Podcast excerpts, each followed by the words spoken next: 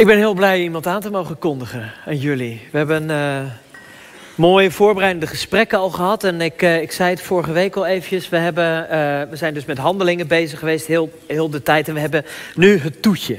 Namelijk Arnoud gaat ons nog even meenemen naar handelingen 6 onder het thema Brand New Focus. Een gloednieuwe focus. Maar uh, toen was het nog in het Engels, hadden we bedacht. Dus dat is het vanavond, Brand New Focus.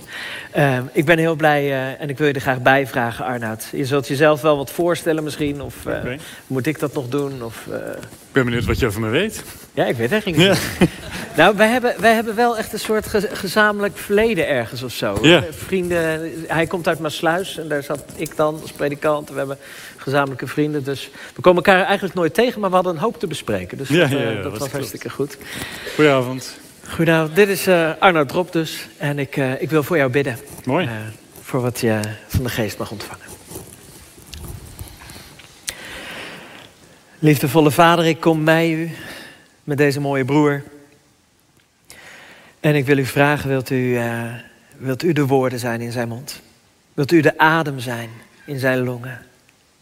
Wilt u het hart zijn wat, wat uitreikt naar de mensen hier? Vader, geef hem uw woorden, uw kracht, uw inzicht, uw wijsheid, uw goedheid. Dat het hier mag vloeien vanuit hem voor ons, voor ons allemaal.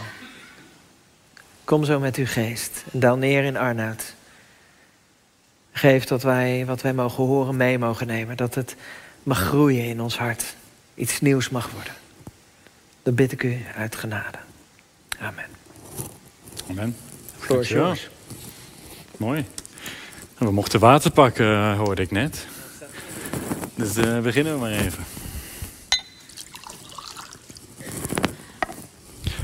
Hoi.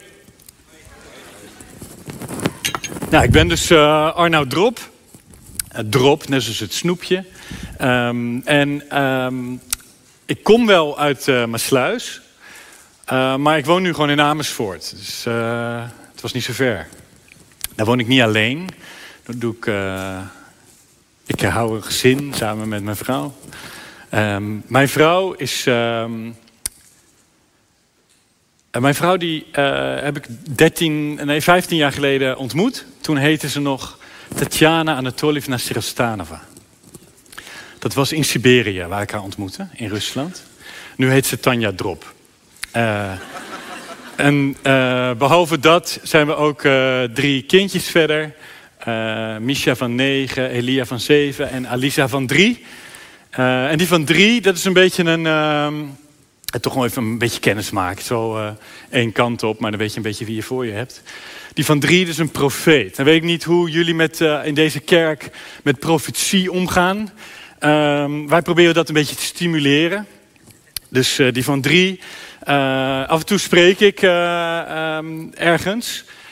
zo ook een paar weken geleden op een zondagochtend. ik ging bij het ontbijt, aan de ontbijttafel, even mijn preek doornemen. Weet je wel, dan... Um, ah, dat, dat, dat, ik denk dat de vlammen ervan afvlogen alleen al aan de ontbijttafel. Dat kon je gewoon aan haar merken, want zij pikte op waar het over ging. Zij zei namelijk, terwijl ik daarmee bezig was, opeens de woorden: Jezus leeft. Nou, ze is drie jaar oud, dus ik denk, nou, dit is goed, hè? ze voelt het aan. Ze voelt waar het over gaat. Uh, wat wij namelijk een beetje proberen is, uh, elke avond als ik haar naar bed breng, toen zei ik in die fase vooral, Jezus leeft en hij houdt van jou. Ik denk, wat er ook gebeurt met mij, hoe het leven ook loopt, als ze die zinnen onthoudt, Jezus leeft en hij houdt van jou, en zij zegt en hij houdt van mij, nou dan is de opvoeding geslaagd. Dus uh, we zaten daar aan die ontbijttafel en ik uh, hou dat verhaal. En zij roept, Jezus leeft. En ik zeg, ja, en hij houdt van mooi weer, zei ze toen. Dus uh, zo leren we elke keer wat over God. Um, hij houdt van mooi weer. Hey, ik woon dus in Amersfoort. In dagelijks leven werk ik voor Alfa Nederland van de Alfa cursus. Misschien ken je dat wel. Wie kent de Alfa cursus? Zo, nou, dat uh, doen we goed hier in uh, Vathorst. Um, voor degenen die niet hun handen opstaken, uh, je bent hier net zo welkom. Het, het mooie van Alfa is dat je juist door een serie interactieve bijeenkomsten het christelijk geloof kunt ontdekken. Dus misschien ben je heel erg bekend met christelijk geloof, ben je erin opgevoed, ben je gepokt en gemazeld. En misschien is het allemaal nieuw voor je. Ehm, dan is Alpha juist de plek waar je in een kerkgebouw of in een café of ehm, in een huiskamer ehm, in een serie avonden door de basis van het christelijk geloof heen gaat. Ik ben zelf nu 38 en voor mij begon het allemaal 20 jaar geleden. Dus als je hier zit en je denkt, ik hou vooral lekker van zingen, maar zo'n preek of zo'n toespraak, dat is voor de, voor de oudere mensen. Maar als je hier zit als tiener, mijn meest bijzondere momenten met God, die waren toen ik 16 was en toen ik 18 was. Dus ruim 20 jaar geleden op een Alpha weekend. We waren ergens ver weg in een, in een boerderij. Ik weet niet waar, want ik stapte gewoon in en dan reed de auto ergens heen in die tijd. En we stapten ergens uit en bij die boerderij hadden we um, het Alpha weekend. En in dat weekend ging het over de Heilige Geest en vervuld worden met Gods Geest. In dat weekend um, nou, in die tijd van mijn leven was ik vooral veel bezig met één vraag. En dat is, als dit allemaal waar is, wat wij hier vanavond met elkaar hebben lopen zingen. En, en wat de band voor ons heeft gebracht. En alles, als al die woorden waar zijn. En ook weer waar we over gaan horen uit de Bijbel. Waar je misschien vanmorgen over gehoord hebt. waar je, weet je, ik weet niet hoe lang je al meeloopt. Maar misschien ga je al jarenlang, meerdere keren per week naar de kerk. Maar als, stel je voor dat dat echt waar is dan is dat niet iets voor alleen op de zondagen. Dan is dat iets voor 24-7. Dan bepaalt dat alles in mijn leven. En met, die, uh, met dat vraagstuk was ik bezig rond die tijd toen ik zelf dus een alfa, een youth alpha volgde. En ik, en ik vroeg aan God, maar Heer, wat, wat wilt u dan met mijn leven als dit waar is? En ik stond daar op een grasveld nadat er een praatje was geweest over de Heilige Geest. En er was aangeboden om voor me te bidden, net zoals als dat net ook even werd gedaan. En je kon voor je laten bidden, maar ik dacht, nou, ik ga even dat veld op. Het was een hele heldere avond. En ik stond daar en dat gebed, ik hoorde daar heel lang niks op. Er kwam geen antwoord. Ik dacht, uh, ik moet zendeling worden ergens, ik moet, uh, weet ik veel, uh, ver weg. Ook die avond, ik stond daar, ik keek naar de sterren. Het was super helder. En ik hoopte dat die sterren een of ander warm oord, zonnig zouden vormen. Dat van, nou, dat teken, daar moet ik naartoe. Gebeurde niets. Ik keek weer naar de grond, enigszins teleurgesteld dat er niets gebeurde. En ik zag op de grond twee schaduwen staan. En op dat moment, ik, ik, ik schrok daarvan. Uh, Zo'n adrenaline, adrenalinestoot, misschien ken je dat wel. En ik kijk om me heen, niemand. Kijk weer naar de grond, nog, nog steeds twee schaduwen. Toen keek ik achter me en toen zag ik dat er twee lampen op mij over dat veld schenen van een boerenschuur af. Maar in plaats van dat ik toen dacht, Arnoud, je zit jezelf voor de gek te houden. Het is gewoon twee keer je eigen schaduw. Was het alsof God toen tegen mij zei, en ik heb dat nooit meer op zo'n heldere manier gehad, maar de vier woorden in mij, ik ben bij je. Het was geen antwoord op waar ik naartoe moest, wat ik moest worden, hoe mijn leven zou lopen. Niets anders dan ik ben bij je. Ik ben toen naar dat gebedsteam gegaan. Ik heb dat verhaal verteld. Ze waren in dat gebed ook even stil. En tijdens die stilte moesten ze denken aan een, een wat ouder lied. Misschien ken je het wel, misschien helemaal niet. Maar dat, dat lied heet... Wat de toekomst brengen mogen, mij geleid is Heere hand. Dat was een heel bijzonder lied voor mij. Is het nog steeds. En dat betekende eigenlijk dat God als antwoord op mijn gebed daar zei: Ik ben bij je. Leef maar gewoon je leven. Ik doe maar niet zo gespannen erover. Ik ben bij je. Een paar jaar later, het tweede meest bijzondere moment voor mij in mijn leven, was toen ik, ik denk ongeveer 18 was. Ik weet niet meer wanneer het precies was. Ik weet alleen dat het op een donderdag was. Want op donderdag komt altijd het lokale suffertje, de schakel, bij ons in Maasluis kwam binnen. En dan bladerde ik hem door. En ik zat aan de keukentafel bij mijn ouders. En ik bladerde door dat krantje en ik, mijn ogen viel op de rouwadvertenties. En er waren die week allerlei mensen overleden in Maasluis. En ik kende er geen één. Maar ik keek daarnaar en ik moest huilen. Ik moest huilen omdat er mensen in mijn stadje, in Maasluis, doodgaan.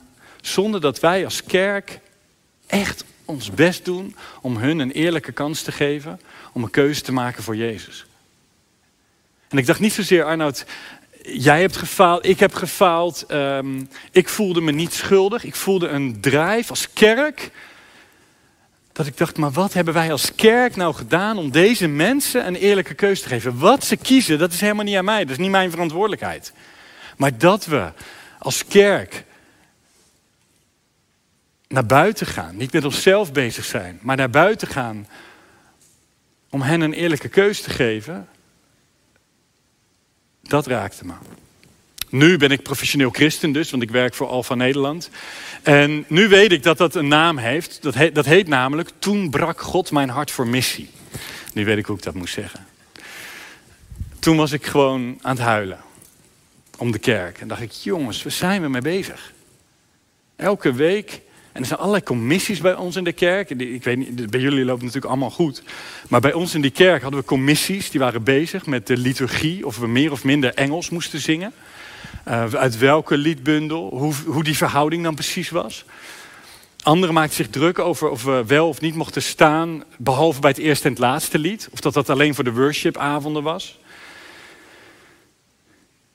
Er zijn allerlei dingen waar we ons als kerk over kunnen, praten, over kunnen buigen. En dan heb ik het nog niet eens over dingen die misschien nog wel iets pijnlijker zijn. Maar waar we zo door opgeslokt kunnen worden. Ik heb jaren in de kerkraad gezeten daarna. En als we niet opletten, ging het heel tijd over vacatures vullen. En wie kunnen we daarvoor vragen? En namen zoeken. Er was altijd wel wat. En dat is altijd wel een reden waar we zeiden: nee, we moeten eerst dit op orde hebben en dan kunnen we naar buiten. Nee, als, als kring, we moeten eerst elkaar goed leren kennen, dat is veilig, en, dan naar buiten. En op een gegeven moment ken je elkaar zo goed, denk je: ja, we willen eigenlijk niet dat er nieuwe mensen bij komen.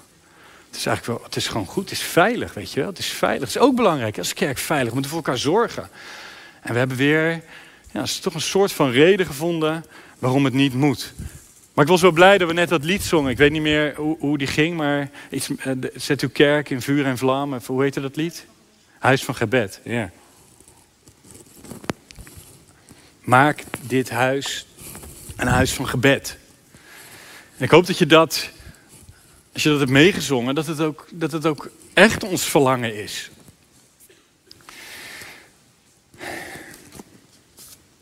Niets nieuws onder de zon. In Handelingen, een van de eerste kerken, um, werd hier een verslag van gedaan. De eerste kerk in Jeruzalem. Daar um, waren de discipelen ook bezig met de kerk op de rails houden. Ik heb begrepen dat uh, kruispunt Vathorst 20 jaar bestaat nu, rond deze tijd. Dus twintig jaar geleden zijn de eerste mensen, een stuk of dertig, hier bij elkaar gekomen, biddend, zoekend, verlangend. Hey, er komt een nieuwe, nieuwe wijk. Hoe kunnen we kerk zijn voor de stad? Ik denk dat er best wel veel raakvlakken zijn met Handelingen 6. De vrienden van het Nederlands Bijbelgenootschap, die de Bijbel voor ons allen hebben vertaald, die hebben hierboven gezet: conflict binnen de eerste gemeente. Ik denk niet dat dat het hoofdthema is. Maar er is wel een conflict. Maar volgens mij gaat het hier over focus. Dus daarom het vette thema, brand new focus. Gloednieuwe focus. Gloednieuwe focus. Hey, ik lees het mee. Ik weet niet wat er gebeurt achter me. Eh, denk het niet. Nee. Maar goed, iedereen heeft natuurlijk gewoon zijn Bijbel bij zich, zoals dat hoort. Nee, ik lees het wel voor. Ik zal het heel duidelijk voorlezen, dat je het kunt meemaken allemaal. Toen het aantal leerlingen toenam, ontstond er op een gegeven moment ontevredenheid bij de Griekstaligen, die de Hebreeuws sprekende verweten dat de weduwen uit hun groep bij de dagelijkse ondersteuning werden achtergesteld.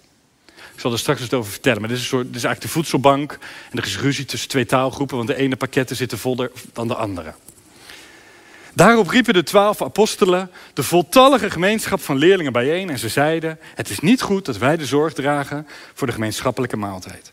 Want daardoor verwaarlozen we de verkondiging van Gods woord. Kies daarom, broeders en zusters, uit uw midden zeven wijze mannen die goed bekend staan en vervuld zijn van de geest. Aan hen zullen we deze taak opdragen. terwijl wij ons zullen wijden aan het gebed en aan de verkondiging van het woord van God. Alle leerlingen stemden met dit voorstel in en ze kozen Stefanus, een diepgelovig man die vervuld was van de Heilige Geest. Verder ook Filippus, Prochorus, Nicanor, Timon, Parmenas, Nicolaus, een proseliet uit Antiochië. En ze lieten deze mannen plaatsnemen voor de apostelen, die een gebed uitspraken en hun daarna de handen oplegden. Het woord van God vond steeds meer gehoor, zodat het aantal leerlingen in Jeruzalem sterk groeide. Ook een grote groep priesters aanvaarde het geloof. Er is hier een kerk, de eerste gemeente, en die worden opgeslokt door het probleem van de voedselverspreiding, de voedselpakketten. De Griekstalige en de Hebreeuws sprekende, daar was ruzie tussen. En er was een conflict tussen, want hey, de ene groep werd toch achtergesteld bij de andere groep. En daar zat, stel ik mij voor, het staat er niet, is een paar versen weggehaald, maar gelukkig heb ik mijn fantasie en die vullen die dan op. Daar is, denk ik, de leiding van die gemeente, want dat doen kerkraadsmensen uh, en leiders van kerken. Die gaan één keer per jaar op een heidag, op een heiweekend. Uh, of een bezinningsweekend, mag je het ook noemen. En dat zijn uh, zij ook gegaan, denk ik. Die uh, lui van de eerste kerk in Jeruzalem. Dus die gingen met elkaar apart zitten. En die dachten, we gaan eens even met de benen op tafel praten over de, de echt belangrijke thema's die nu bij ons in de kerk spelen. Nou, natuurlijk kwamen ze op dit conflict. Want daar ben je natuurlijk mee bezig. Als je leider bent van een kerk, dan ben je bezig met de conflicten. En je wil dit conflict oplossen. En ze waren daarmee bezig. En ik stel me voor dat ze de vrijdagavond erover hebben gesproken. En de zaterdagochtend. En, en ze kwamen er nog niet uit. En ze dachten, maar als we dit conflict nou tackelen. Dan zal daarna de kerk toch weer bloeien. Dit is toch het conflict. En als dat is opgelost. Dan gaat het toch weer. Opeens stel ik me voor. Ik weet niet precies hoe het is gegaan. De conclusie weten we wel komen ze tot het inzicht dat ze dachten: wacht eens even. Waar zijn we mee bezig? Het is super belangrijk wat we hier aan doen zijn. Het is echt heel belangrijk dat, we, dat de voedselverspreiding op een goede manier verloopt. Maar we worden helemaal opgeslokt door het draaiende houden van de kerk. En ik denk dat zij ook overzagen. Maar jongens, als we dit probleem hebben opgelost, dan is er toch wel weer een nieuw conflict wat komt. Dan zijn er toch wel weer nieuwe dingen waar we mee bezig kunnen zijn. De volgende brief van iemand die binnenkomt, die ergens verontrust over is, misschien heel terecht.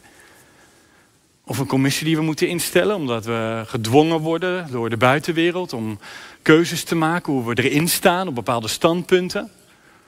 Niets in die tijd was anders dan in deze tijd. Maar zij hebben echt ongelooflijke moed. Zij zeggen hier, wacht even, als we teruggaan naar wat Jezus echt van ons vraagt als kerk. Als we teruggaan naar de essentie, waarom wij twintig jaar geleden hier zijn begonnen in Vathorst. Als we teruggaan naar wat Jezus ons als opdracht heeft gegeven hier in Jeruzalem, zeiden zij. En zeggen wij hier nu in Vathorst, in Amersfoort. Dan zijn er twee dingen die ons absoluut onderscheiden van welke socialistische beweging dan ook, van welke scouting dan ook, die hartstikke goed voedselpakketten kunnen samenmaken, samenstellen. Maar er zijn twee dingen die onlosmakelijk met kerk zijn verbonden zijn en die we nooit meer uit het oog moeten verliezen. Ze kijken elkaar aan en ze knikken en ze weten, ze zeggen ja, dat is het. We moeten ons wijden aan gebed en aan de verkondiging. Van alles wat deze hele bruisende gemeente van ons vraagt en er komt van alles op ons pad, zijn er twee dingen die we gewoon steeds in de focus moeten houden. Wij zijn een kerk. En als kerk hebben wij een missie om het prachtige evangelie van Jezus Christus bekend te maken. Om nieuwe mensen te vertellen over wie Hij is, wie Hij voor mij betekent, wie Hij voor jou betekent. We zijn een kerk die altijd klaar is om nieuwe mensen te verwelkomen, om dat door te vertellen. En natuurlijk moeten er allerlei dingen goed geregeld worden. Maar zullen we als hoofdfocus, als punt van de pijl die wij als kerk zijn, gericht blijven op missie, verkondiging en gebed? En toen zij dat deden in Jeruzalem, begon de gemeente weer te groeien. Zagen ze dat er allerlei nieuwe mensen bij kwamen. Het mooie is, ze spreken dat ook af met de hele kerk. Ze roepen iedereen bij elkaar en zeggen: jongens, maar dit is wat wij willen. Dit is hoe wij kerk willen zijn.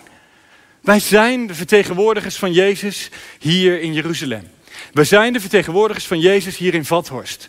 En wat er ook allemaal voor belangrijke dingen zijn, mogen we een beroep doen op ons allemaal om daaraan bij te dragen, zodat we met elkaar wel gefocust kunnen blijven op wat wij hier oorspronkelijk te doen hebben als kerk in Vathorst. Gebed en verkondiging. Maar hey, je hoeft er niks voor te doen als kerk om weer gemakkelijk naar meer en meer naar binnen gericht te raken.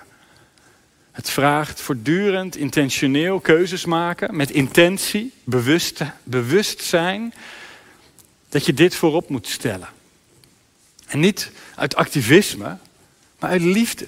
Uit liefde voor de wijk, uit liefde voor dit stadsdeel. Hoe noemen we dit? Wat een wijk of zo? Is het een, dat is een wijk. Ja, natuurlijk, een wijk. Het liefde voor de wijk.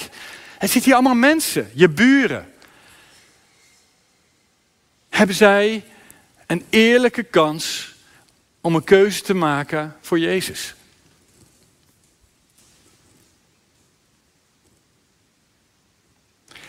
Die ouderlingen van die tijd, die brachten de kerk bij elkaar en ze zeiden, hé, maar mogen we dan anderen aanstellen om dit probleem, wat er wel gewoon is met die voedselverspreiding, om dat goed op te lossen. En zo zijn de diakenen daar ontstaan en de functie van diakenen. Het mooie is, Eigenlijk kiest die kerk dus ja, op allerlei manieren willen wij dienen, zodat we als geheel een kerk met een missie kunnen zijn. Het is niet zo dat als je, dat je mij hier als alfa-mannetje hoort vertellen, iedereen moet alfa doen. Iedereen moet voorop staan of op die zeepkist gaan staan of meedoen in een alfa-team en alleen dan doe je ertoe, want dan ben je bezig met de echte dingen van kerk zijn. Nee, als kerk zijn we met z'n allen op een missie. En daarin heeft iedereen zijn plek. Dus het is heel logisch dat daar zeven in die tijd gebruikelijk mannen werden aangesteld.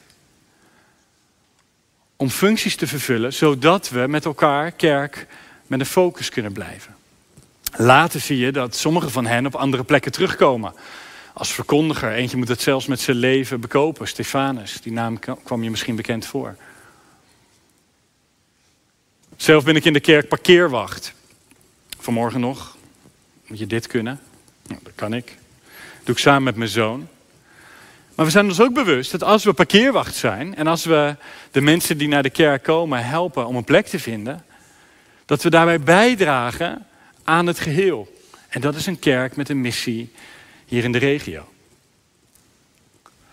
En dit lijkt alsof dit een preek is, of een toespraak, of een, uh, hoe je het ook wil noemen over de kerk. En dus dan toch vooral voor de kerkleiding. Dat zij moeten vergaderen over de goede dingen. Vertel het Arnoud, laat het zo horen. Ja. Maar dit gaat ook, of misschien wel in de eerste plaats, over ons eigen leven. Want hoe makkelijk is het niet dat je in je eigen keuzes, in je eigen dagelijks leven, ook weer terechtkomt bij dat je denkt, ja, ik heb het eigenlijk best wel druk. Ik doe allemaal dingen. Ik ben verzeld geraakt in van alles. Ik heb ja gezegd. In het verleden misschien tegen heel bewuste dingen, maar ik ben er nooit meer mee gestopt. Om weer het volgende op te pakken. Om echt na te denken van, maar wat is mijn plek nou in die kerk met een missie? En je staat hier, je zit hier vandaag aan het begin van een nieuw seizoen. En misschien niet alleen een nieuw seizoen van, nou, het kalenderjaartje begint weer. Maar misschien wel echt een nieuw seizoen van Kruispunt Vathorst. Om opnieuw of weer of voor het eerst of waar je ook staat in jouw relatie met deze kerk, maar het verschil te maken voor deze wijk. Die smacht. De mensen die hier smachten naar het horen van wie Jezus is voor jou. En wat hij voor jou betekent. Naar waarom jij je wekker zet op zondagochtend om hierheen te fietsen of hierheen te rijden. Naar waarom jij je leven daarna wilt inrichten. Naar waarom jij keuzes maakt met je geld, met je tijd, met wat dan ook. En als we zo'n verhaal van Handelingen 6 lezen over focus en afscheid nemen van sommige dingen om gericht te kunnen zijn op missie en gebed en dan weer taken doorgeven aan anderen, dan zegt dat alles over ons eigen leven. Dan zegt dat alles over mijn leven. Dat ik mijzelf de vraag moet stellen: doe je de dingen waarvoor je echt geroepen bent? Of kom ik soms met excuses van dingen die erin zijn geslopen, die me bezighouden, die mijn agenda vullen, maar die niet de essentie zijn van waarvoor ik hier op aarde ben? Wat ik voel als roeping voor mijn leven. Wat ik ervaar als seizoen om bij te dragen aan de kerk. Een kerk op missie.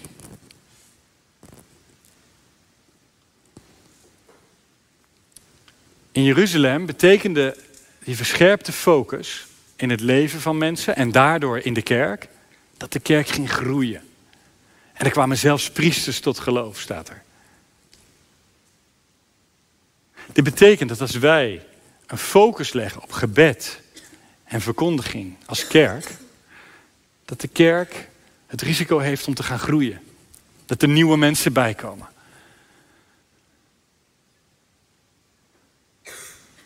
Dat je buren, je vrienden, wie dan ook, misschien wel geraakt worden door de liefde van God, door de liefde van Jezus. En hier bij een volgende worshipavond staan mee te zingen. Dat ze Jezus willen uitspreken over hun leven. En ik weet niet hoe dat bij jou zit, maar dat is mijn verlangen voor deze stad. Dat is mijn verlangen voor dit land. En ik weet dat het het verlangen is van deze kerk voor Vathorst. Die gasten die keuzes maakten in Jeruzalem, die deden dat niet vanuit enthousiasme of een pep talk. Die deden dat doordat ze dat met de gemeenschap afspraken. Dat ze bij elkaar kwamen, elkaar de handen oplegden en dat ze voor hem baden. En dat betekent dat zij vervuld werden met Gods geest. We zijn hier niet een kerk van positievelingen, maar wij zijn een kerk vervuld van Gods geest die deze wijk in mag gaan. Paulus, die schrijft. Je, je, kent misschien Paulus, heb je wel eens van gehoord. Dat is echt een, een prediker met gezag. En die stichtte allerlei gemeentes. En kwamen veel mensen tot geloof. En die zegt op een gegeven moment. Um, broeders en zusters, in, in 1 Korinthe 2. Broeders en zusters, toen ik bij u kwam om u het geheim van God te verkondigen beschikte ook ik niet over uitzonderlijke welsprekendheid of wijsheid.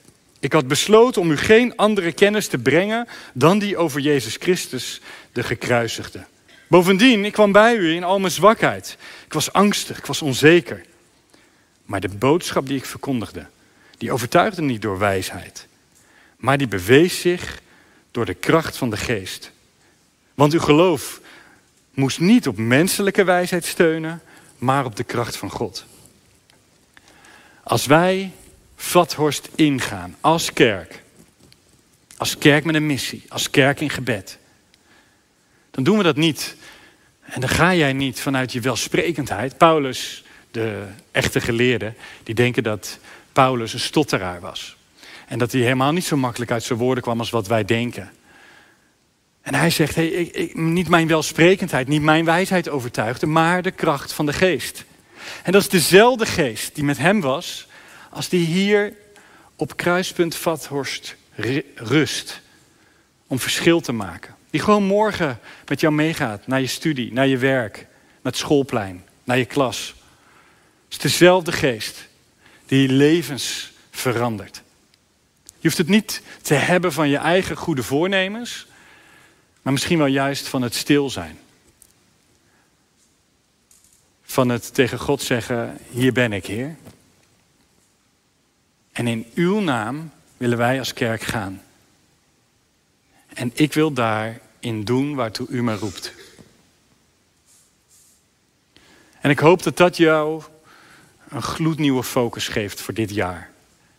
Dat als je kijkt naar je tijd, als je kijkt naar je relaties en hoe je die inzet, je vriendschappen, je buren, de schoolpleingesprekken.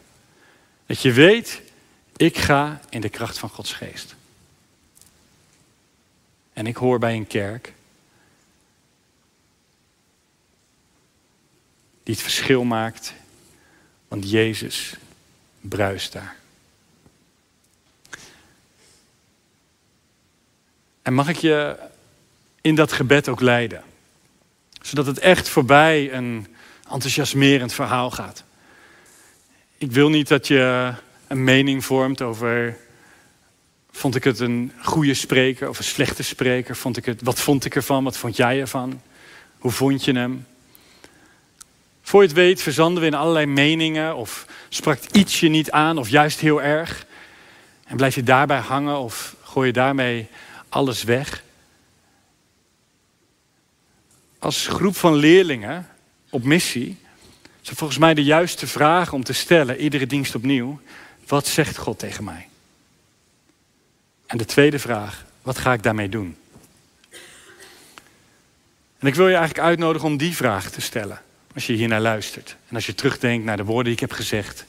En over handelingen 6 nadenkt. Wat zegt God tegen mij? En wat ga ik daarmee doen? En de uitnodiging die, ik doe is om daarin dat met open handen te bidden en te vragen of God ons, jou, met die geest wil vullen. Zodat we niet uit eigen kracht gaan, maar uit de kracht van Hem. Mag je uitnodigen om te gaan staan?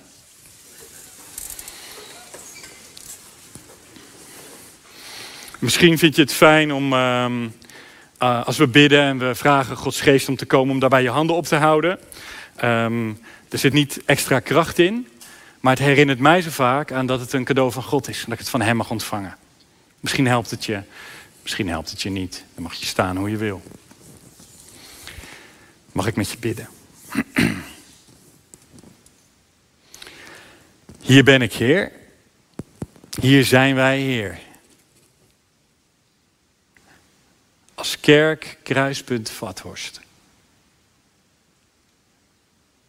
We weten dat we gezonden zijn in deze wijk. We weten dat we een kerk zijn met een missie. Heer, het is soms zo verleidelijk om ons te laten opslokken door allerlei commissies en regelzaken en de wervelwind van alle dag. Als kerk, maar ook als individu in mijn eigen leven.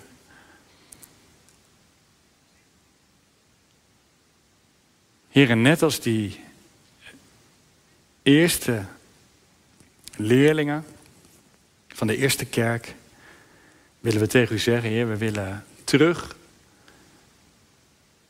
en gehoor geven aan uw roeping voor ons leven. Hier ben ik, Heer. Zend ons. Vul ons. Kom met uw Heilige Geest.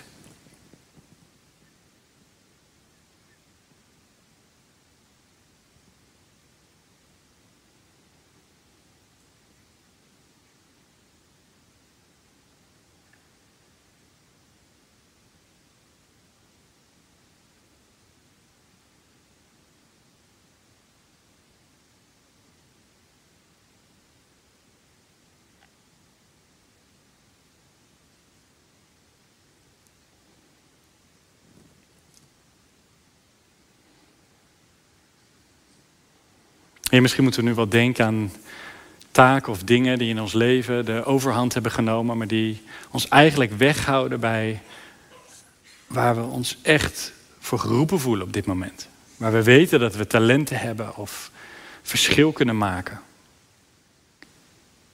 Maar waar we gewoon weg niet aan toe komen. Heer, geef ons de moed om naar ons leven te kijken en aan het begin van dit seizoen nieuwe palen te slaan waarop we het huis van ons leven willen bouwen, waarop we willen leunen.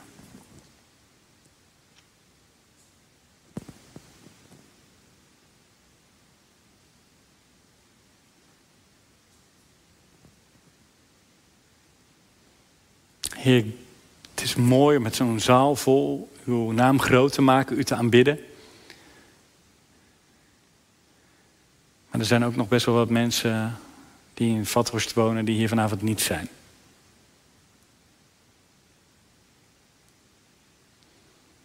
En best veel daarvan omdat ze u helemaal nog niet kennen. Of niet meer kennen. Afgeknapt zijn op de kerk. Dat we er soms zelf mensen hebben teleurgesteld of door hoe het leven is gelopen. Sommigen hebben er nog nooit van gehoord en weten niet waar ze nee tegen zeggen. Heer, we bidden voor deze wijk, Vathorst. We bidden dat uw liefde mensen zal bereiken. En dat vanuit deze kerk allerlei nieuwe initiatieven geboren worden. Deze kerk zich opnieuw of versterkt verenigt in gebed voor de wijk. Omdat we weten dat we, dat we verschil kunnen maken als we gaan in uw naam.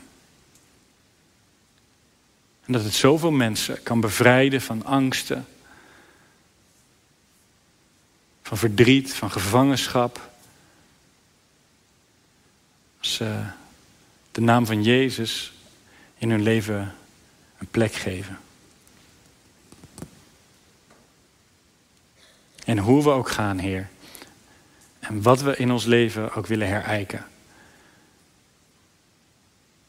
We bidden dat het veel verder gaat dan goede voornemens of een wauw-gevoel voor effetjes. Brand het in ons hart, Heer, met uw Heilige Geest. En zend ons in uw naam. Dan zal de stad op zijn kop komen te staan. En dat verlangen we. In Jezus' naam. Amen.